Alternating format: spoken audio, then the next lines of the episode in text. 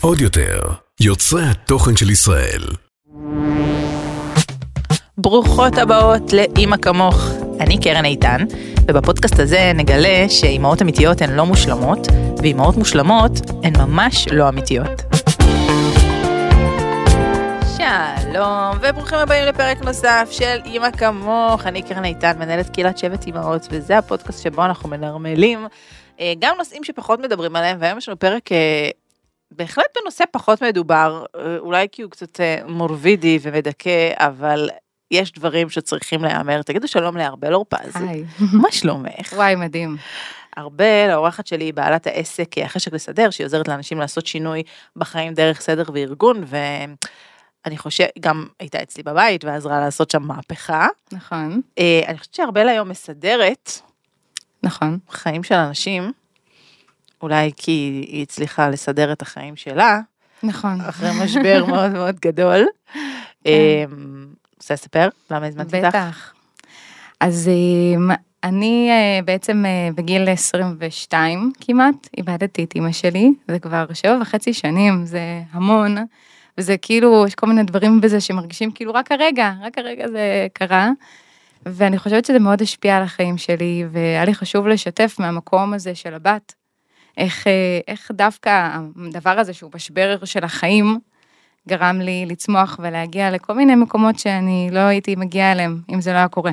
שזה כאילו להגיד, אה, אי אפשר להגיד שמוות זה דבר טוב, אבל נכון. יש כאן איזשהו משהו שהוא אירוע מכונן שכזה, כן. ובאמת אה, הסיבה שהזמנתי אותך, כי אני, אני חושבת שכל אחת מאיתנו כאימא, אמ, חוששת למה יקרה, זה פחד מוות. פחד מוות מל... תרתי משמע. מלמות לילדים שלך שהם קטנים, אני הייתי האחות הגדולה, אחותי הייתה בת 13, זה באמת, כאילו, מה, מה אני עושה. לילדים שלי כשאני הולכת מהעולם הזה? זאת אומרת, יש לנו כל נכון. כך הרבה אחריות על עצמנו, כי אני באמת לא מצליחה לדמיין, עזבי שאני לא מצליחה לדמיין מצב שאני אהיה בלי אימא שלי, כן? שזה נושא לפרק אחר, שגם הוא אה, יוקלט בקרוב. אני לא מצליחה להבין איך אני דופקת את הילדים שלי ככה, ואיך הם יצליחו לקום מזה. כן. ואת אה, קמת. אני והאחים שלי, ויצרנו לעצמנו תא משפחתי חדש, כאילו ההורים שלי היו גרושים, ועברנו עם זה תהליך מטורף, ובאמת אני חושבת ש, שכל מיני חיבורים וקשרים במשפחה שכיום קיימים, לא היו קיימים, אם אמא שלי הייתה נמצאת. מבחינתי, היא הייתה המרכז של החיים שלי, היא הייתה האדם היחיד שאני מקשיבה לו, היא הייתה אומרת לי, לא, אל תלבשי את זה, תעשי ככה, תעשי ככה, ומבחינתי, גם אם הייתי מתעצבנת, הייתי הולכת ועושה את מה שהיא אומרת. אה, באמת, אז זה- איך, אז מה... ביום שהיא סיפרה לי שהיא חלתה, שהיא חולה בסרטן לבלב, שזה אחד הסרטנים הכי... אלימים. אלימים, שאין כל כך דרך להבריא מהם, אז אני שכבתי על הרצפה בלילה, כשכבר עיכלתי את מה שהיא סיפרה לי, ובכיתי, בכי תברורים, ובמשך שעות ניסיתי, הייתה לי מנטרה בראש, איך אפשר לחיות בלי אימא. איך אפשר לחיות? זה לא נראה לי כמו חיים. ואת בעצם מעכלת את זה כשהיא עדיין לידך. כן, אז בעצם היא חלתה, שהיא הייתה חולה שנה וארבעה חודשים. בזמן הזה אה, ניסינו כל מיני טיפולים, היה לה גן ילדים, אני ניהלתי את הגן ממקומה בגיל הזה, והייתי שם, וניסינו כמה שיותר כאילו להחזיק את הכל, שהכל יהיה כאילו עם, עם תקווה שהדברים יחזרו למה שהם היו לפני כן. ומה מערכת יחסים ביניכם בזמן שאת, שאת יודעת שהיא גוססת? אז אה, אם אפשר לומר כאילו בצחוק, אז היא הייתה קוראת לי אמא שתיים. 2.0. היא כאילו אה, באמת אה, שמחה עליי המון ועזרתי לה בכל מה שיכולתי, השתחררתי מהצבא, בעצם החיים שלי היו פתוחים לפניי. וזה הייתה הדבר, זה היה הדבר הכי חשוב בעולם, לעזור לה, לתמוך בה. ובעצם כל אחד מאיתנו האחים לקח את התהליך הזה בזמן שהיא הייתה חולה קצת אחרת, אבל אה, אני חושבת שבסוף אה, היא, היה לה, היא עד הסוף לא, לא הייתה מוכנה להודות שהיא עומדת למות, ממש, היא לא דיברה על זה, היא אפילו לא כתבה צוואה, ממש. לא בר- התכוננתם לזה? ברמה כזאת. למוות לא כל כך. היא לא הכינה אותנו לזה בהכרח, אבל כל ההתמודדות עם דבר כזה, עם מחלה, עם אה, האובדן כזה שהוא כזה, יש חוסר, הכל לא ברור. מהמם. יש אה, חוסר אונים כזה אל מול המצב, אני לא יכולה לעשות כלום כדי באמת לה- להטיב עם המצב שלה, מצד שני, אני, אני חייבת להיות אופטימית, חייבת להיות חזקה, חייבת להיות אחראית. אז כאילו. בעצם האופטימיות הזאת מנעה ממך להתכונן, את, יש, לא, לא דיברתם איתה על מה הולך להיות אחרי שהיא תלך? לא. וואו. כי מבחינתה זה לא הייתה אפ- אפשרות, ממש. ואני חושבת שזאת אחת הסיבות שהיה לי חשוב גם לדבר על זה כאן, ולפתוח את זה, כי אין לנו שליטה על החיים. אנחנו לא יכולים לדעת מה, מה יקרה. היה, לארבל של גיל 22 היה מאוד חסר זה שאימא כאילו תגיד את המילים האחרונות. אבל בדיעבד אני יודעת שהיום יש כל כך הרבה דברים שבהם היא לימדה אותי, היא שמחה עליי, נתנה לי אחריות, היא, היא, היא עודדה אותי, היא תמכה בי באישיות שלי ובמי שאני, וש, שזה, אלה הדברים שגרמו לי בעצם לצמוח מהמשבר הזה. אה, איזושהי אמונה פנימית כזאת שאוקיי, אבל יהיה בסדר, אני מהמם. חזקה, אני, אני מסוגלת. זאת אומרת שהכוחות שהיא נטעה בך בזמן שהיא גידלה אותך, היו אלה שעזרו לך להתמודד אחר כך עם זה שהיא הלכה. כן, וגם במחלה, היא אשכרה שמחה עליי לנהל עסק נכון. של גן ילדים, אני לא היה לי ניסיון כל כך עם ילדים מעבר לעובדה שאני אחות זרקה אותך למים. ועבדתי בגן. כן, והיא שמחה עליי והיא רצתה גם שאני אמשיך עם הגן. ובסוף אה, היינו צריכים באמת אה, לסגור את הגן, למכור אותו, משהו כזה. ו... אבל זה מבחינתה, כאילו, בסוף, היא ידעה שהיא היא יכולה לסמוך עלינו, מהמם. שאנחנו נסתדר. אבל היה לה מאוד קשה לשחרר. זה נורא קשה לשחרר. אני, נכון. אני, זה, זה, ב- זו בדיוק הסיבה שאני סקרנית לשמוע אותך, כי איך אני יכולה לשחרר? איך אני יכולה לסמוך על זה שיסתדרו גם בלעדיי? זה באמת משהו שאני לא מצליחה לדמיין אותו בכלל, שהילדים שלי יסתדרו בלעדיי, לא שאני רוצה לדמיין אותו, כן? אבל כאילו אני תוהה אם יש דברים שאני צריכה לעשות היום בשביל, אה, בשביל להבטיח להם שהם יהיו בסדר, מבינה? כאילו זה לא משהו שאתה רוצה נכון. להתעסק איתו, אוהב להתעסק איתו בשום שלב. ברור. אז באמת לנטוע את הביטחון, לתת לילדים את התחושה שהם מסוגלים, יש להם את היכולת, לתמוך בהם במובן שהם רוצים להיות עצמאיים, מהמם. איפה שהם יכולים.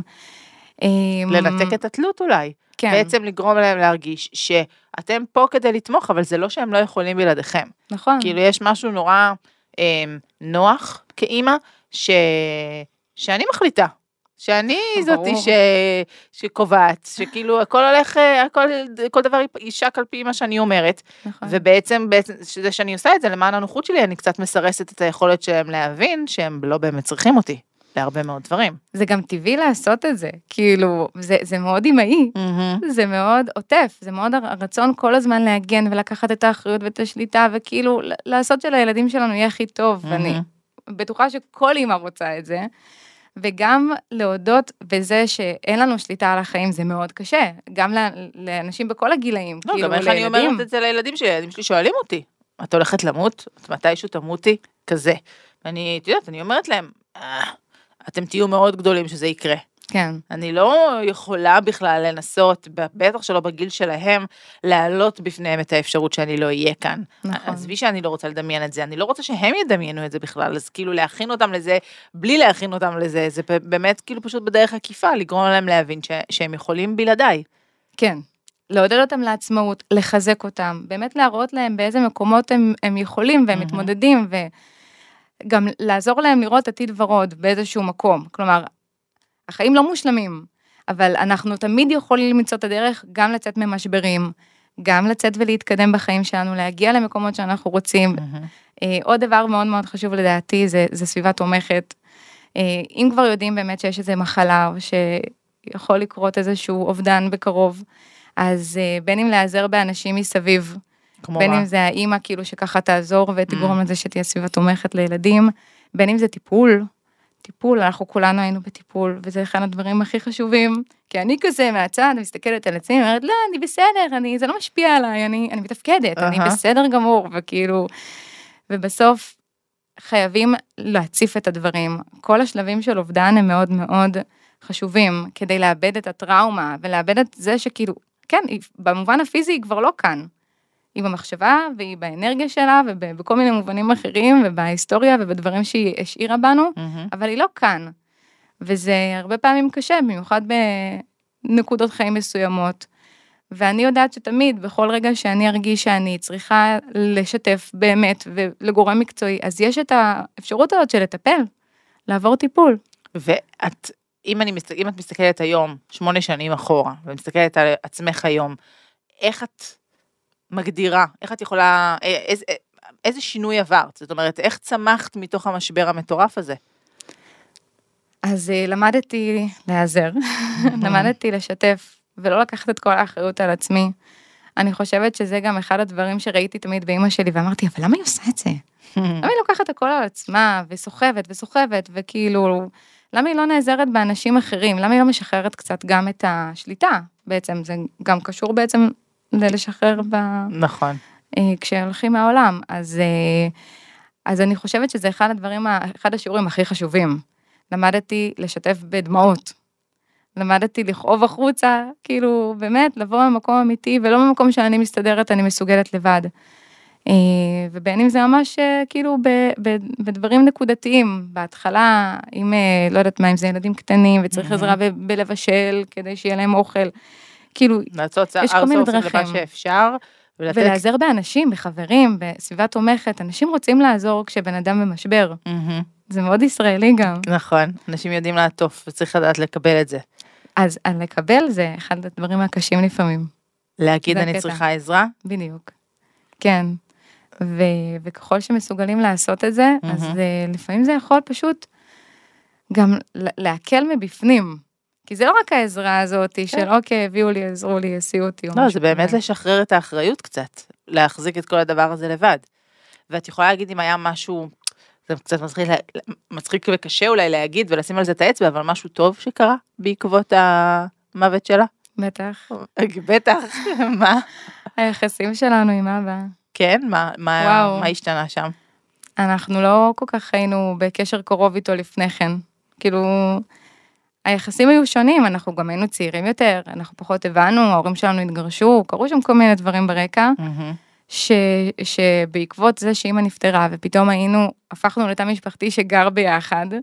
אני ואחותי גרנו באותו חדר, שתביני באיזה מצב היינו, ממש היינו צריכים להיכנס לבועה שלנו אה, ולהתמודד עם, ה, עם האתגרים שזה הביא.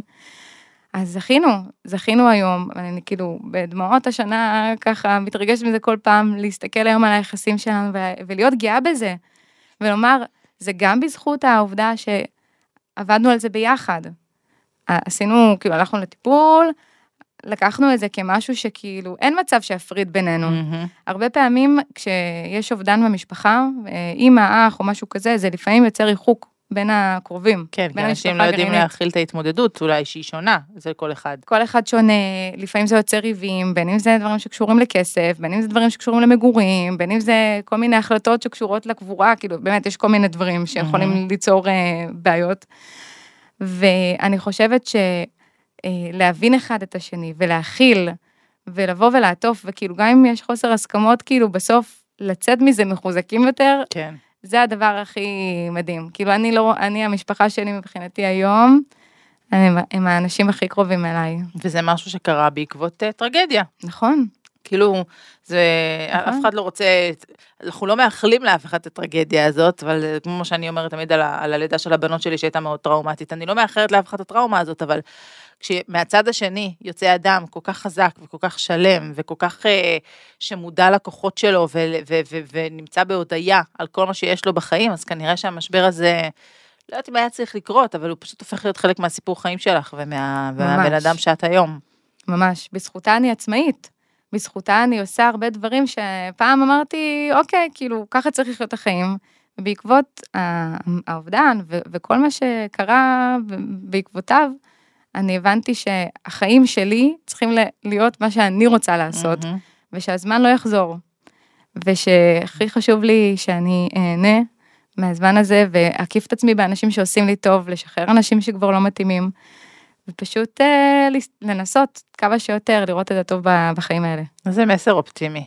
כן. כאילו, אני לא רוצה שתלכו עכשיו אה, כולכן אה, לקפוץ באיזה גג, אבל אה, זה בהחלט, אה, אני חושבת, לא יודעת אם מעודד, אבל מרגיע לדעת שגם אם דבר נורא כזה יקרה במשפחה, אה, מהצד השני יכולים לצאת אנשים אה, מאוד מאוד מחוזקים. כן, לא תמיד, כן? אבל לא הסיפור תמיד. שלך הוא זה ש... סיפורים כמו שלך נותנים כוח להבין שלפעמים כשאני אפנה מקום, אה, זה יפתח אה, דלת לדברים חדשים וטובים כן. לחיים של הילדים שלי. וזה האחריות של מי שעובר את זה, לחפש את זה, ולקחת את החיים עם המושכות בידיים, ולהגיד. אוקיי, אלה, איזה חיים אני רוצה לחיות. ולפי זה... חיים אה, של אבל או חיים של צמיחה. בדיוק. וזה, את יודעת, כשארבל נכנסה אליי הביתה, ישר ראיתי על הרגל של הלוטוס, קעקוע של לוטוס. וזה בצד, כן. וזה בצד של הרגל, במקום כזה כן, שלא רואים, לא. ואיכשהו היא כזה נכנסה, ויורדים אצלי כזה מדרגות, אז היא הייתה כזה מעליי, וזה, ואני מקרה, יא, יש לך לוטוס על הרגל, וכאילו, עוד לא ידעתי את כל הסיפור. ואז היא סיפרה לי את כל הסיפור על אמא שלה, ואני כזה, אוקיי, אז זה ממש, את ממש הלוטוס, והיא כזה, מה? מה זה אומר שאני ממש הלוטוס? נכון? את סיפרת לי שלמה עשית אותו? כן, זה היה קעקוע של אמא שלי. לאימא שלך היה אותו, ואת כן. בלי להבין את המשמעות שלו, קעקעת אותו על עצמך, ובעצם תקשרת לעצמך, אה, אימצת לעצמך, בלי לדעת בכלל את הסיפור של הלוטוס, נכון. שזה פרח שגדל בבוץ ובאשפתות ובזבל, ומצליח מהמקום הכי חשוך והכי מלוכלך והכי נמוך, לפרוח בתוך הביצות ולהיות קרן של אור אה, לכל מי שסביבו, כנגד כל הסיכויים. ואת כאילו קעקעת אותו אחרי שהיא נפטרה, ישר אחרי, כן. ובעצם אה, הגשמת את הסיפור שלו. נכון, ואולי זה היה המסר שלה אליי. כי כל המסרים שאני מקבלת ממנה הם מאוד מחזקים, והם מאוד תומכים. אז זה ממש המסר. כן, חברים, אני מתקשרת בשעות הפנאי, כל מי שרוצה, מקבלת אה, בין שמונה לעשר בימי שני, תקשורים מהמתים, זאת אני. ארבל, תודה רבה שבאת להתארח באמא כמוך. תודה, איזה כיף להיות פה. אני מבטיחה לך פרק המשך על אמ, איך זה לגדל ילדים לאמא, שזה שזה- האתגר הבא שיעמוד בפנייך. נכון, אה, בדיוק. ואני מקווה שלמרות הנושא הקשה, הוצאנו כאן כמה אימהות מחוזקות. אה, וגם תמיד העולם. אפשר לדבר על זה, אפשר גם לפנות אליי ולשתף אותי. חפשו את, אה, את ארבל באינסטגרם, לסדר בי ארבל, נכון? נכון. ככה נקרא חשבון האינסטגרם, חפשו אותה, תכתבו לה, אה, תכתבו לה מה, מה הפרק הזה גרם לכם להרגיש, וואי. עם איזה מחשבות יצאתם ממנו, אני יודעת שזה נושא שאת לא מדברת עליו מספיק, נכון, והגיע הזמן להוציא אותו לאור. בדיוק, כל כך חשוב. תודה רבה ונתראה בפרק הבא של אימא כמוך. עוד יותר, יוצרי התוכן של ישראל. הוקלט באולפני אדיו, המשווקת את ספוטיפיי בישראל.